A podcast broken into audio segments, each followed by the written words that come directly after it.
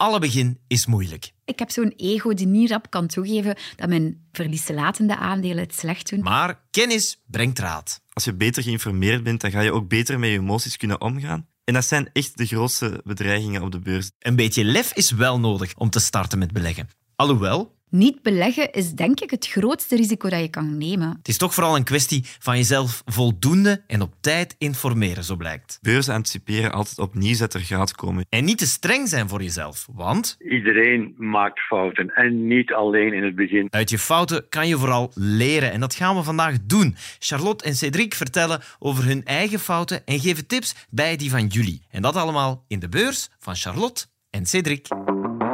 Ik ben Charlotte. En ik ben Cedric. Wij zijn twee jonge beleggers. Ik ben Maarten van Quali en ik snap veel te weinig van beleggen.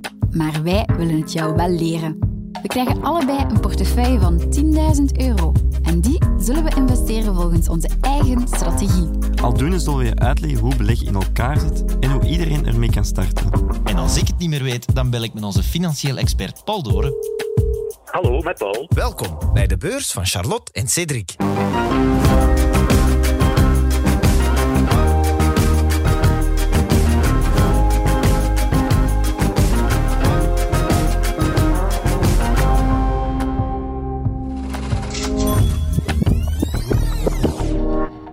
Deze week zagen we veel groen op de beurzen, maar ik denk dat het maar tijdelijk is. Ik denk dat we nog lager kunnen gaan. Maar ja, ik heb geen glazen bol, dus wie gaat het voorspellen? Een opvallende beweging deze week was dat Amerikaanse aandelen het eigenlijk heel goed hebben gedaan ten opzichte van de Europese aandelen. En dat zie je ook in de twee trekkers die ik heb. Ik weet dat Paul een beetje sceptisch was tegenover ja, beleggen in Amerikaanse aandelen. Toch vind ik dat wel een voordeel om ook wat Amerikaanse aandelen te hebben en ook te kunnen profiteren van die groei daar natuurlijk. Op dit moment blijkt Bitcoin zijn tijdelijke bodem gevonden te hebben, rond 20.000 dollar. En dat stelt mij toch wel gerust. Nog een leuk weetje trouwens, is dat aandelen die ik heb al 20 euro dividend hebben opgeleverd. En stel nu dat je met de minimumrentes die we momenteel nog hebben, 10.000 euro een jaar lang op je spaarboekje zou laten staan aan 0,11%, dan zou je 11 euro rente krijgen aan het einde van het jaar. En nu, na één maand beleggen, ben ik qua dividenden alleen al 20 euro ja, rijker. Heel veel is het natuurlijk niet, eh, maar het is toch beter natuurlijk dan sparen. Wij hoorden zo net hoe jullie portefeuilles het gedaan hebben afgelopen week. Het was precies een, toch een mindere week hè, alweer. Allee, ik bedoel, of zie ik dat nu verkeerd? Niet zo super. Eh, de crypto heeft zich eindelijk terug een beetje beginnen te herstellen. Dus eh, dat was al lichtjes positief. Hm? En sommige aandelen, vooral de Amerikaanse aandelen, waren deze week wel best oké eigenlijk. Dus eh, die hebben het best wel goed gedaan in mijn portefeuille. Ja, wat is jouw gevoel, Charlotte? Goh, ja, crypto is onder die 20.000 dollar gegaan. Dat was toch wel een mentale barrière voor veel eh, ja, technisch analisten. En sommigen vermoeden echt dat we naar ja, 14, 15, 16.000 euro gaan gaan.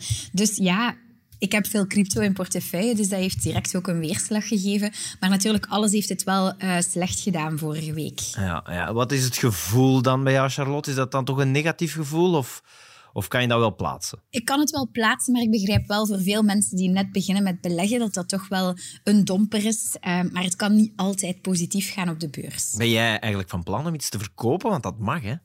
Ja, ik ga zeker niets verkopen, want ja, als je geschoren wordt, moet je echt heel stil blijven zitten. Ja, ja inderdaad. Ga jij, eh, Sophie, dan nu eindelijk verkopen, Cedric? Nee, nog niet. Ik ben echt aan het wachten tot de aflevering dat ik eindelijk kan zeggen dat, eh, ja, dat de trend zich aan het keren is. Maar U is blijft toch ook luisteren tot 2027? maar het wordt echt week na week erger. Dus eh, ja, Ja. ik blijf wachten. Er zijn er die zeggen, je had eigenlijk al moeten verkopen bij min 10. Want op dat moment was het al duidelijk dat het niet meer goed ging eh, gaan de komende week. Ja, maar ja, min 10 was ook binnen de eerste week al, denk ik. Hè. Ja, er was ja. zo'n ontzettend slecht nieuws gekomen direct. En ik heb het toen gekocht en het was zo'n ja, blijven zakken. En ja, omdat ik het op de iets langere termijn zie, hou ik het wel aan. Hè. Dus ik hoop wel dat er binnen dit en een paar weken maximum een ja, laagtepunt bereikt wordt. Hè. De cijfers dan. Charlotte, 8.536 euro. Cedric, 9.077 euro. Charlotte, dat is dan inderdaad vooral die crypto. Maar begrijp ik het goed dat niemand van jullie dus iets gaat verkopen? Ik nog niet. Nee. Ik zou heel misschien nog iets bijkopen. Ik heb nog 224 euro in cash ongeveer. Dus ik ga een keer kijken ehm, of we daar een aankoop mee kunnen doen. Maar ik ga nog een paar weken wachten. En kan je nu al zien of je ergens spijt van hebt? Ik heb eigenlijk misschien een beetje spijt voor toch in crypto te stappen. Omdat ja, het is ook zo weinig natuurlijk ook. En Ja. ja. ik heb nu toch zo die keuze gemaakt van er dan in te stappen. En niet per se omdat het veel verlies is, hè, want ik heb er misschien 150 euro verlies mee. Maar het is zo van, ja, ik heb misschien toch liever volledig in, in aandelen gezeten. Maar ik ben wel benieuwd wat het gaat geven ook wel. Het is wel een experiment voor mezelf ook. Dus. Ja. Jij ergens spijt van, Charlotte? Goh, nee, en ik denk wat Cedric nu net aanhaalt, dat dat inderdaad heel, heel duidelijk is. Als je twijfelt over iets, dan mag je dat zeker niet kopen. Je mag enkel high convictions, dus echte hoge ehm, overtuigingen kopen. En ik denk dat dat over het algemeen altijd wel heel belangrijk is om, om zo te handelen. Veel winst hebben de portefeuilles de laatste weken nog niet opgebracht. Hopelijk volgt er snel beterschap. Voor de meest actuele versie van de portefeuille kan je trouwens altijd surfen naar hln.be schuine streep geld.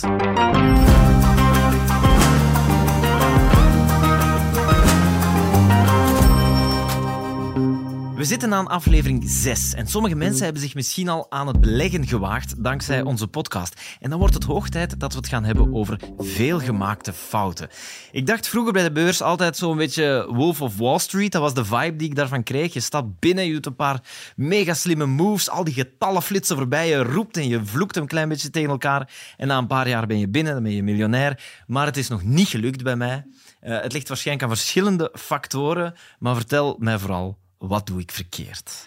Maarten, les 1 in beleggen is dat je als je je focust op het resultaat op korte termijn, dat je echt niets leert of je een goede belegger bent of niet. Je moet echt kijken op de lange termijn. En, want laat ons eerlijk zijn, die eh, in Wall Street kan evengoed geluk gehad hebben. Ehm, net zoals heel veel investeerders het nu echt goed hebben gedaan de voorbije jaren na corona.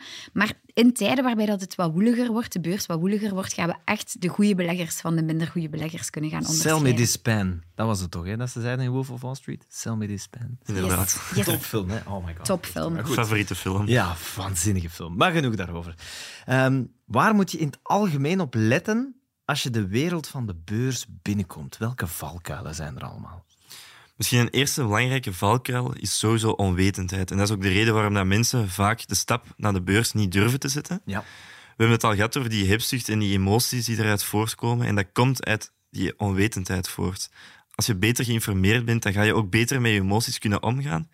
Door hebzucht kun je te grote risico's gaan nemen, waardoor je ja, eigenlijk meer geld gaat verliezen dan dat je eraan gaat overhouden. Ja, je denkt, maar het is veel, het is veel. Oh, het kan nog meer, het kan Ja. nog meer. Ja. Ik denk gewoon ook dat er heel veel startende beleggers hun eigen kennen, kunnen en willen en vooral het kunnen volhouden, verkeerd inschatten. Oké. Beleggen is een mentaal spel. En je moet jezelf echt goed kennen om te weten wat past er bij mij, wat past er niet bij mij. Want het is een mentale uitdaging waar dat je echt eerst wel wat bij jezelf moet komen en jezelf moet analyseren wie ben ik, wat wil ik, en dan pas te beginnen. Vandaar die strategieën die wij vorige keer hebben besproken, dat dat zo belangrijk is. Hè? Dat je niet je gevoelens laat opspelen, maar dat je echt stick to the strategy. En die onwetendheid zorgt er bijvoorbeeld ook voor dat je bijvoorbeeld aandelen te snel verkoopt. Iets wat ik zelf voor heb gehad met mijn eerste aandeel Alphen, dat ik met 30% winst toen had verkocht, omdat ik dacht van oké, dit is echt heel veel. Te mooi om waar te Op korte zijn. tijd, ja, dat dacht ik echt. En dan is het erna ja, maal vier gewoon gegaan. Dus dat is 400% in plaats van 30% dat ik had kunnen hebben.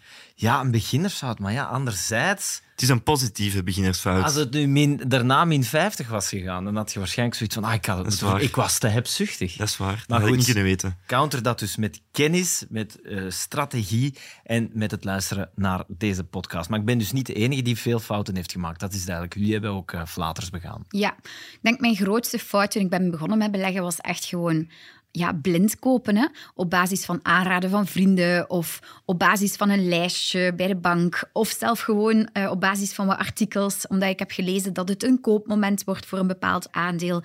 En ja, dan koop je eigenlijk wat je niet kent. Het is grappig dat je dat zegt, want ik heb zo eh, een tijdje geleden heb ik zo ook eens aandelen gekocht en een paar echt vanuit mijn eigen gevoel. Zo, zo van, dat, dat geloof ik in, in dat bedrijf, dat ken ik ook. En dan waren er drie die ik gewoon uit de krant had gehaald van zo iemand, koop deze drie. Ja. En dat waren zo de, die drie die echt het niet goed deden. Ja. En ik dacht, huh, had toch een plastron aan en je stond toch in de krant? Ik heb ook zo'n mooi voorbeeld daarvan. Ik heb bijvoorbeeld HelloFresh gekocht, omdat ik dacht van ja, kijk, we, voor corona, we gaan naar een pandemie, de- dat gaat het gewoon goed doen. Ja? En tijdens die pandemie heeft het ook wel een keer gecrashed. Maar ik was gewoon zo convinced en ik kende het bedrijf. En door het feit dat je een bedrijf kent en dat je weet wat het is, geeft u dat ook vertrouwen om het langer aan te houden. En dat moet je soms kunnen bij aandelen. Aandelen bewegen. Dus uh, het is nu niet omdat crypto zakt dat ik het daarom los ga laten. Nee, ik ken het, ik heb er vertrouwen in op lange termijn. En ja, de aandeelhouder wint, hè. Ik heb ook nog zo'n goed voorbeeld van een, een Nederlandse holding um, die heel sterk in China vertegenwoordigd is. En die stond op een bepaald moment, twee jaar geleden ongeveer, denk ik, in elke krant door elke expert aangeraden. Rond de 90 euro gekocht. En nu staat hij nog rond de 50 euro, denk ik. Ja, ja, ja. En er hebben echt wel heel wat Belgen toen, of Vlamingen op die mhm. moment, die gekocht, weet ik ook, van die beleggersgroepen. Um, dus ja, niet zomaar blindelings vertrouwen. En ik denk dat dat echt een veelgemaakte fout is. En daarom is het zo belangrijk om als startende belegger je zomaar niet blind te staren op je omgeving. Eigenlijk zeg je nu, luister ook niet naar ons.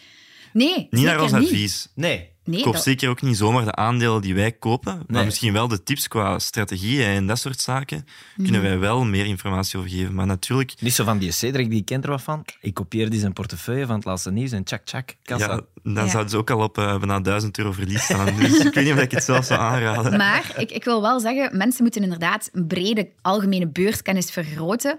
En dat doe je niet door gewoon te gaan kopiëren, want dat loopt altijd valikant af. Want je gaat weten wat we hebben gekocht, wanneer we het hebben gekocht. Dus je kan ons perfect kopiëren. Maar je kent onze gedachtegang niet. En als de beurs keldert, weet je ook niet wanneer je zelf moet gaan verkopen. Maar mocht je toch ons advies in de wind willen slaan, dan kan dat. hln.be schuine streep geld.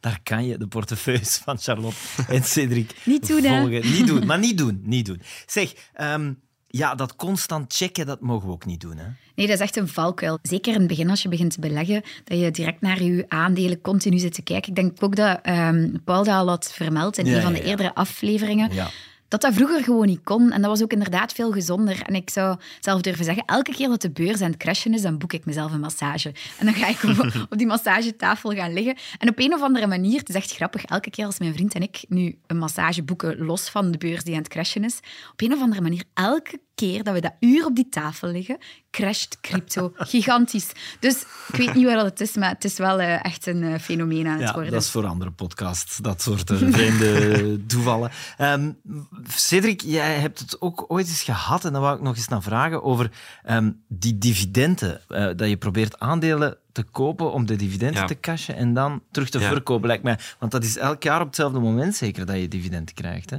Elk aandeel keert dat ongeveer in dezelfde periode uit. Meestal is dat ook rond april, mei, juni dat er heel veel bedrijven zijn die hun dividenden uitkeren. Dus die komen daar vaak samen. Maar ik dacht van, ja, de beurs te slim af te zijn. Dat was heel naïef eigenlijk, want ik was nog maar twee, drie maanden bezig met beleggen. En ik dacht eigenlijk van telkens aandeel te gaan zoeken die net een dividend gingen uitkeren. Ja. dus om telkens te kopen voor dat dividend, als ik het gekregen had, 3, 4, 5, 6 procent, te verkopen en dan zo telkens van het ene naar het andere aandeel te gaan. Dat zou een makkelijke zijn, hè, Cedric? Natuurlijk. Um, dus ja, ik wou dat dan doen op de ex-dividend, de dag voor de ex-dividend datum meta. Op ja. de ex-dividend datum, als je dan het aandeel koopt, dat staat ook altijd in je beleggingsapp wanneer dat die is, dan heb je geen recht meer op dividend. Ja. De dag ervoor wel. Dividend is een stukje van de winst dus eigenlijk, hè, dat het bedrijf dan uitkeert aan de aandeelhouders. Klopt, En de fout die ik maakte is, wanneer dat een op de ex-dividenddatum zelf, wanneer dat je dus geen recht meer hebt op dat dividend, dat dan de waarde van je aandeel zakt. Omdat er een stukje cash van de balans ook verdwijnt van die onderneming. Ah, ja. Daar heb ik nog nooit zo bij stilgestaan. Een heel kort voorbeeld is, stel je hebt een aandeel van 100 euro. Ja. Ze keren 2 euro dividend uit en dan heb je 2% mhm. dividendrendement. En ik dacht dus van oké, dan heb ik 2% en dan verkoop ik het aandeel daarna terug aan 100 euro en dan heb ik elk 2 euro winst gemaakt. Maar in theorie gaat uw aandeel dan ook 2 euro per aandeel zakken. Natuurlijk, dat kan iets meer of iets minder zijn, maar er verdwijnt een stukje van de waarde van de onderneming. Want een stukje van de waarde zit ook in het feit van hoeveel cash dat die onderneming heeft. Ah, ja, Stel dat je twee volledig dezelfde bedrijven hebt en de ene heeft een enorme cashvoorraad en de andere heeft een veel kleinere, met totaal dezelfde producten, dan is diegene met veel meer cash ja, veel meer waard, omdat zij veel meer extra gaan kunnen investeren, ook in andere technologieën of wat dan ook. Dus cash maakt wel deel uit van de waarde van de onderneming.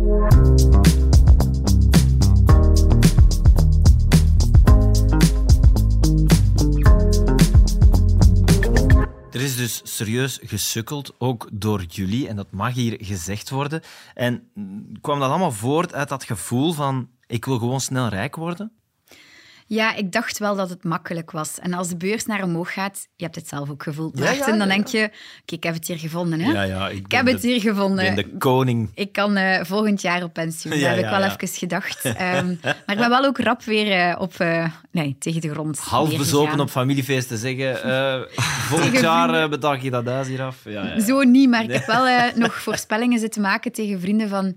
Ja, elk jaar 40% rendement, want ja, nu heb ik 110, dus 40 moet zeker haalbaar zijn. Dus ja, elk jaar, eh, dat wil zeggen, binnen zoveel jaar heb ik een miljoen. Dus ehm, ik heb wel echt toen grote flaters begaan. En ik snapte het ook niet, want ja, ik dacht, ik was er zelf echt mee weg, maar eh dan met de harde klappen wel gemerkt dat ik mezelf aan het overschatten was. Bij mij was het ook vooral onwetendheid. Je wilt zoveel mogelijk verdienen als belegger, want anders ga je natuurlijk niet op de beurs. Ja. En zo zijn er wel vaak hè, mensen die net de beurs ontdekken, geluk hebben en hetzelfde beginnen te denken. Of Ja, hetzelfde mensen die nu instappen, die gaan waarschijnlijk over een paar maanden zoiets hebben van... Mhm. Of toch zeker over een jaar van... eh amai, ik ben wel goed bezig. Goh, ik denk mensen die nu starten, door bijvoorbeeld deze podcast, dat die echt wel in een heel goed klimaat starten. Want het, het is niet makkelijk. En als je nu leert beleggen, dan ga je kritisch zijn ten opzichte van jezelf. Ga je jezelf de vragen een paar keer stellen ehm, voor je iets koopt. Er is wat meer angst. Dus als er wat meer angst is op de beurs, dan ga je ook proberen meer te rationaliseren. Ja. Ehm, dus ik denk net dat het een zeer goed moment is om te starten. Het is ook heel interessant om nu eigenlijk te leren van wat is het effect van die inflatie, wat is het effect van die rente. En daar leer je nu echt enorm bij, want je ziet ja, dagdagelijks bijna het effect op de beurzen daarvan. Dus in dat opzicht is het heel interessant Ja. om, om nu te starten. om de macro-economie te begrijpen. Van wat zijn de grote impactoren op de beurs? Die rente, de inflatie, zoals Cedric zegt. En als je het grote verhaal begint te zien, de bigger picture, ja, dan besef je wat voor boeiende wereld dat Ja. eh, beleggen, investeren en economie wel is. Interesting times. Het is Yes. niet altijd tof om in interesting times te leven, maar het zijn zeker interesting times. Toch? Ja, absoluut. Dank u wel om jullie beginnersfouten met ons te delen, Cedric en Charlotte. Jullie zijn, zo blijkt nu, ook gewoon mensen van vlees en bloed. Dat is tegelijk ook een enorme opluchting voor mij. En dit is dus eigenlijk een aflevering die heel veel geld kan opleveren. Want steel de fouten van deze twee genieën, lieve luisteraar. Het kan u maar heel veel geld eh, besparen. Ik onthoud vooral, geen gedrag kopiëren, maar je eigen ding doen. Enkel kopen wat je kent je een beetje inlezen, toch wel belangrijk. Niet te snel verkopen. Buy and hold, dan verwijs ik weer naar vorige week. Ehm, en opletten voor de transactiekosten, hebben we het ook al over gehad in deze podcastreeks. Ja. Er is een vraag van een luisteraar binnengekomen die Cedric en Charlotte nu gaan beantwoorden. En daarna gaan we eens kijken naar jullie fouten, lieve luisteraars. Want wat gaat er bij jullie vaak mis op de beurs?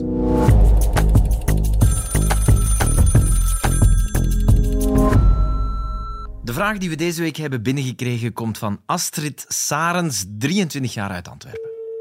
Hey Charlotte, ik hoorde je onlangs tijdens de uitzending op Q waarin je vertelde dat het nog steeds interessant blijft om te beleggen in crypto.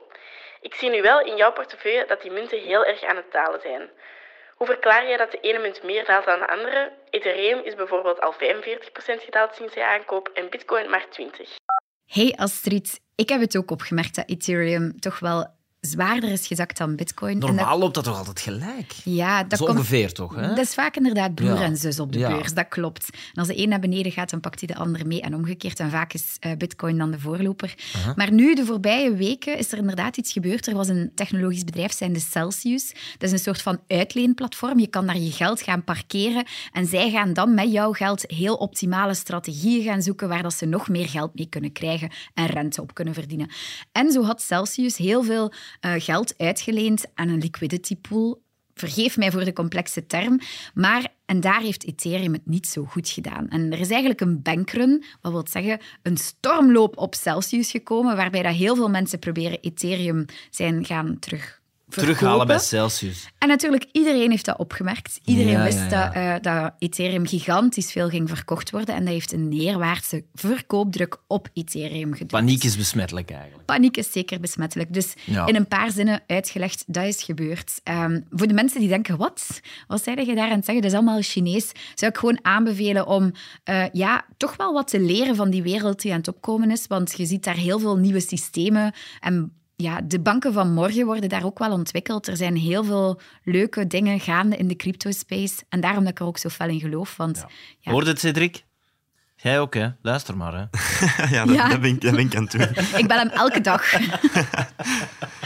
Maar over het algemeen is het wel zo dat die cryptomarkt heel gecorreleerd is aan elkaar. Het gaat niet Mhm. snel gebeuren dat een van die cryptomunten enorm, hè, misschien een kleinere munt die dan wel iets Ja, op een ja. dag kan stijgen. Van die rare altcoins. Maar het gaat heel Ja. zelden gebeuren dat bitcoin over een periode enorm hard stijgt en ethereum zakt. Dus diversificatie binnen crypto Ja. vind ik dat niet echt bestaat persoonlijk. Er zijn eigenlijk twee munten die heel fel aan elkaar hangen, zoals ik al zei, Bitcoin en Ethereum. Maar voor de rest heb je ook de altcoin-markt. En dat is eigenlijk een heel andere markt. Die zijn nog veel speculatiever, die munten. Daarom dat ik ook voor deze portefeuille enkel in Bitcoin en Ethereum heb geïnvesteerd. Maar er zijn nog zoveel andere munten en die, ja, die gaan omhoog en naar omlaag. En Hypes zijn dat eigenlijk. ofwel doen de alts het goed, ofwel doen ze het slecht. Dus die hangen ook aan elkaar. Maar Bitcoin en Ethereum hangen ook aan elkaar, zeker en vast. Moeilijk, maar interessant.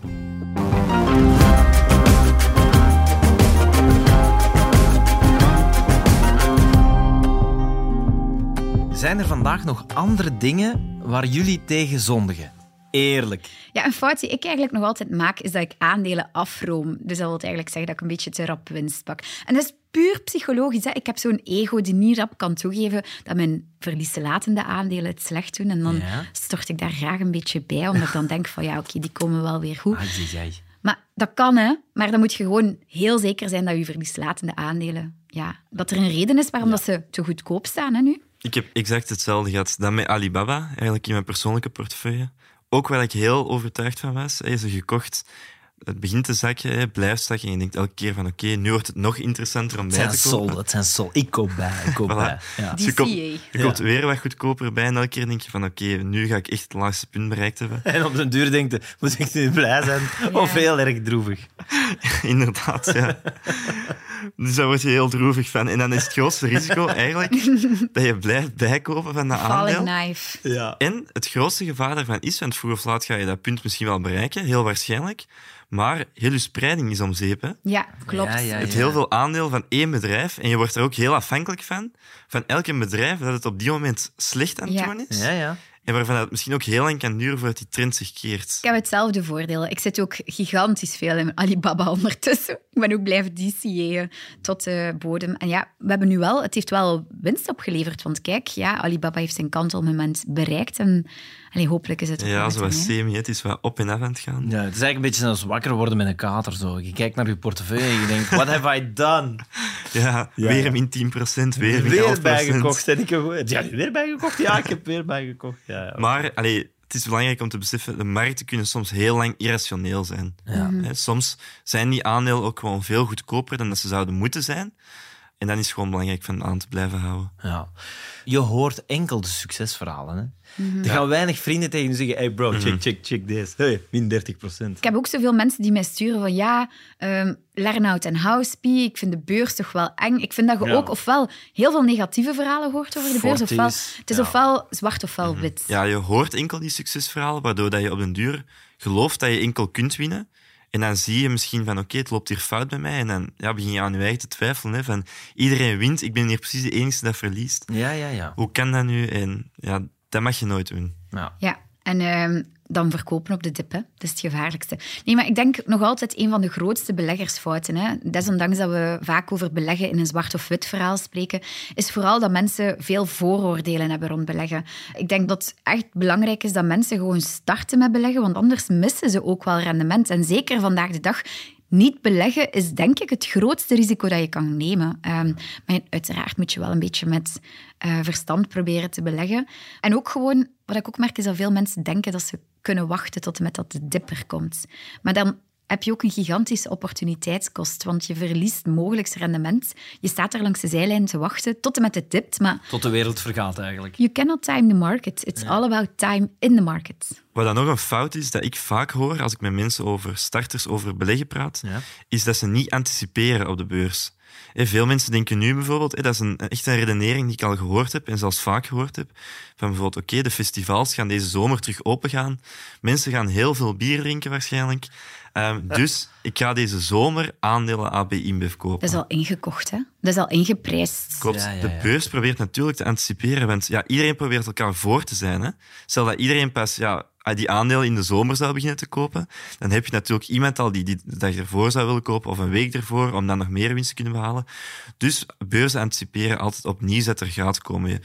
Bijvoorbeeld ook een ander voorbeeld van de, ja, de lockdown. Zodra de lockdown stoppen, gaat de economie terug vol op gang komen. Ja, dan zijn de beurzen al lang terug aan het anticiperen op het feit dat die lockdowns gaan weggaan. Ja, Dus ja. je moet echt op voorhand kopen voor nieuws dat gaat komen. Ja. Buy the rumors, sell the news, zeggen ze Ja. altijd. Er is trouwens ook nog één eh, laatste fout, grote fout, die ik graag wil meegeven. En dat is veel te veel transactiekosten betalen. Oké.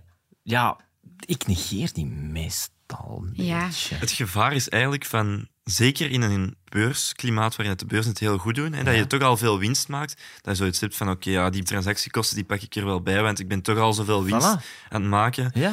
En ja, ik zit zelf in een beleggingsclub, het Diamantje, in de Antwerpse Diamantwijk, eh, waar dat we met een groep van mensen dus een aandelenportefeuille beheren. En zo is het dus gebeurd dat ik er niet bij was op een vergadering. En ze hadden daar voor 1000 euro aandeel gekocht van, op de beurs van Zweden, als ik mij niet vergis. En die transactiekosten die bleken bij de aankoop al 50 euro te zijn. Maar natuurlijk, als we die aandelen ooit willen verkopen, gaan we terug 50 euro moeten Dus betalen. dat is al 10 procent. Dat is 10% van ons rendement dat we gewoon Ja, ja, kwijt ja. zijn aan enkel transactiekosten. Dus dan moet het eigenlijk al met 10% stijgen, de- dat Voor aandeel. nog maar gewoon break-even te Voilà. staan. inderdaad. En als je dan weet hè, dat de beurzen gemiddeld 7% per jaar stijgen, ongeveer, dan ben je ja, misschien al anderhalf jaar gewoon kwijt hè, Ja. aan transactiekosten alleen al. Dus. Percentage rendement. Echt, probeer te besparen op die transactiekosten, want dat is zo makkelijk. Dat is echt makkelijk geld dat je kan extra aan rendement toevoegen aan je portefeuille. Ja. En ook probeer altijd zo onder de 1% eh transactiekosten te betalen. Ik denk dat dat een belangrijke Even de rekenmachine is. erbij en toch even die berekening. Ja. Trouwens, als je een aankoop doet, komt er ook altijd bij hoeveel percentueel dat de Klopt. kosten gaan zijn Ja. in je aankoop. Dus dan zie je het ook al of dat het echt te veel is of, of ja, niet te veel. Ja. Dus over het algemeen is het zo dat ja, hoe dichter dat je bij huis gaat beleggen, hoe goedkoper dat het gaat zijn. Oké. Ja, nu heeft elke broker wel zijn eigen niche. Zo heb je ook brokers die bijvoorbeeld in Amerikaanse aandelen heel lage transactiekosten voorzien. eh anderen dan die in Belgische aandelen lage transacties voorzien. Dus je hebt een beetje van alles. Of brokers die heel goedkoop zijn in fondsen, dat heb je ook. Dus ja, elke ja. broker heeft wel zo zijn niche. ja, Ja, klopt. Dus de moeite om eens te checken. Bedankt in ieder geval voor deze opnieuw boeiende podcastaflevering, Charlotte en Cedric. Een gewaarschuwd belegger is er twee waard. Bedankt om al die beginnersfouten te delen. Ja, vijf inderdaad. Kijk al uit naar de volgende aflevering. Tot de volgende, Maarten. Tot dan. Yo.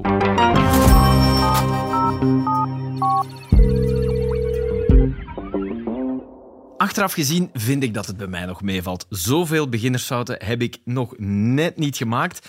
Maar zou Paul Doren ook zoveel fouten als Charlotte en Cedric gemaakt hebben?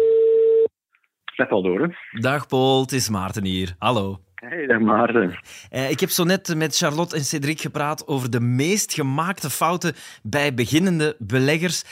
Ja, en natuurlijk vraag ik me dan af, was het bij jou meteen een succesverhaal, Paul Doren, of heb je gigantisch veel fouten gemaakt in het begin?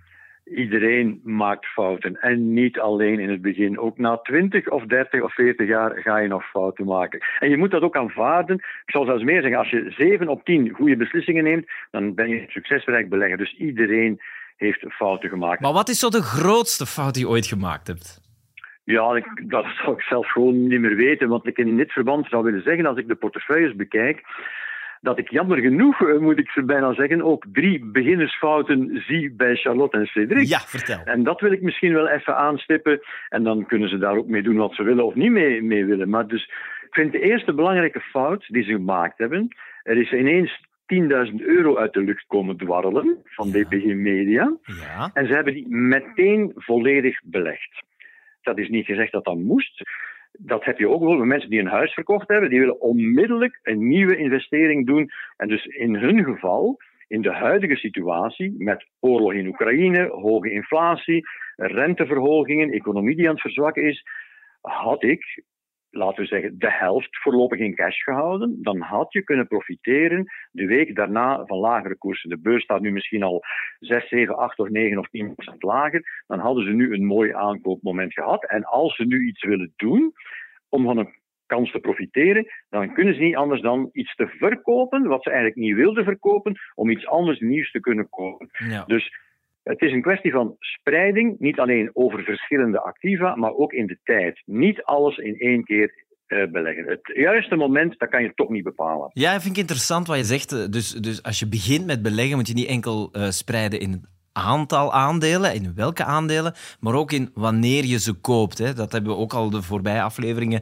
een paar keer aangehaald. Dus ook spreiding in de timing, om zo ja, niet voor te hebben dat je op een verkeerd moment instapt. Ja, om toe te spitsen op wat we vandaag aan het beleven zijn. De beurzen hebben een moeilijke periode. Een heel mooi systeem nu is, beslis welk bedrag je eventueel een aandeel wil stoppen. Deel dat op in vijf of in tien stukjes en koop elke maand een stukje. En dan ga je ook op de laagste koers gekocht hebben. En dat kan zijn dat we, dit, dat we nu al op het dieptepunt zitten, maar dat kan ook zijn dat we pas over vijf maanden op het dieptepunt zitten. Dus spreiding in de tijd, nooit alles in één keer. Ja. Heb je voor de rest nog gouden tips of één gouden tip naast het spreiden in tijd en het spreiden in portefeuille? Ik wil een tweede, zullen we het dan beleggersfout noemen, die ik uh, bij de, in de portefeuilles heb gezien. Ja? Uh, bij Cedric namelijk. Uh, vind ik het, ja, noem, zal ik het een beleggersfout durven noemen, wat hij met Sofina doet. We weten allemaal, we zijn allemaal ontroerd door zijn enthousiasme voor Sofina, het eerste aandeel wat hij ooit wou kopen. We hebben het allemaal gehoord in de podcast.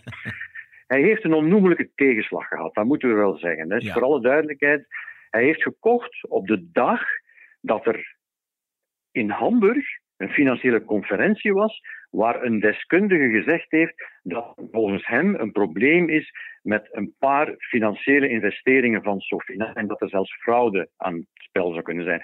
Op dat moment was Cedric hier bij ons in het intikken, ik koop Sofina.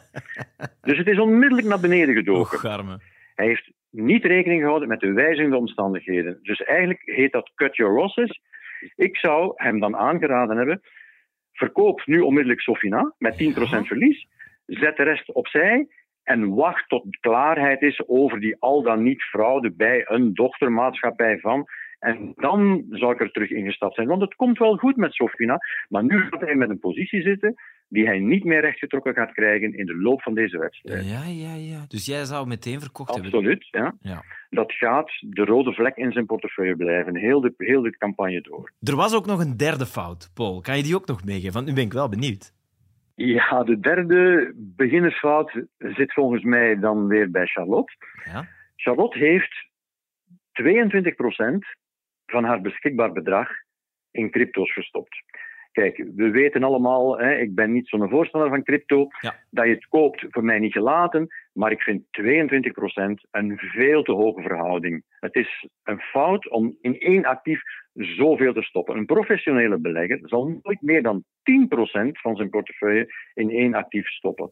En de meeste fondsen, daar is het ook gewoon bepaald dat het nooit meer dan 10% in één zaak mag zijn. En het is zelfs zo dat fondsen als die aandelen groeien en ze worden belangrijker dan 10%, dan verkopen die eigenlijk hun beste aandelen om terug onder die 10% te kopen. Omdat het een gouden regel is, nooit te veel in één bedrijf of in één sector omwille van de diversificatie.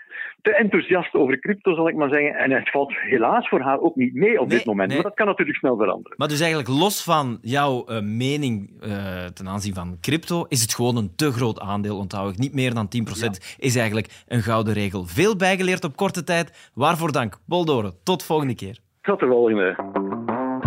Dit was de zesde aflevering van de beurs van Charlotte en Cédric. Volgende keer hebben we het over het favoriete onderwerp van Charlotte. Jawel, crypto. Als je daar nu al een vraag over hebt, kan je die stellen op hln.be-geld. Daar kun je ook de volledige portefeuilles terugvinden in de blog van Charlotte en Cédric. Bedankt voor het luisteren en tot volgende week.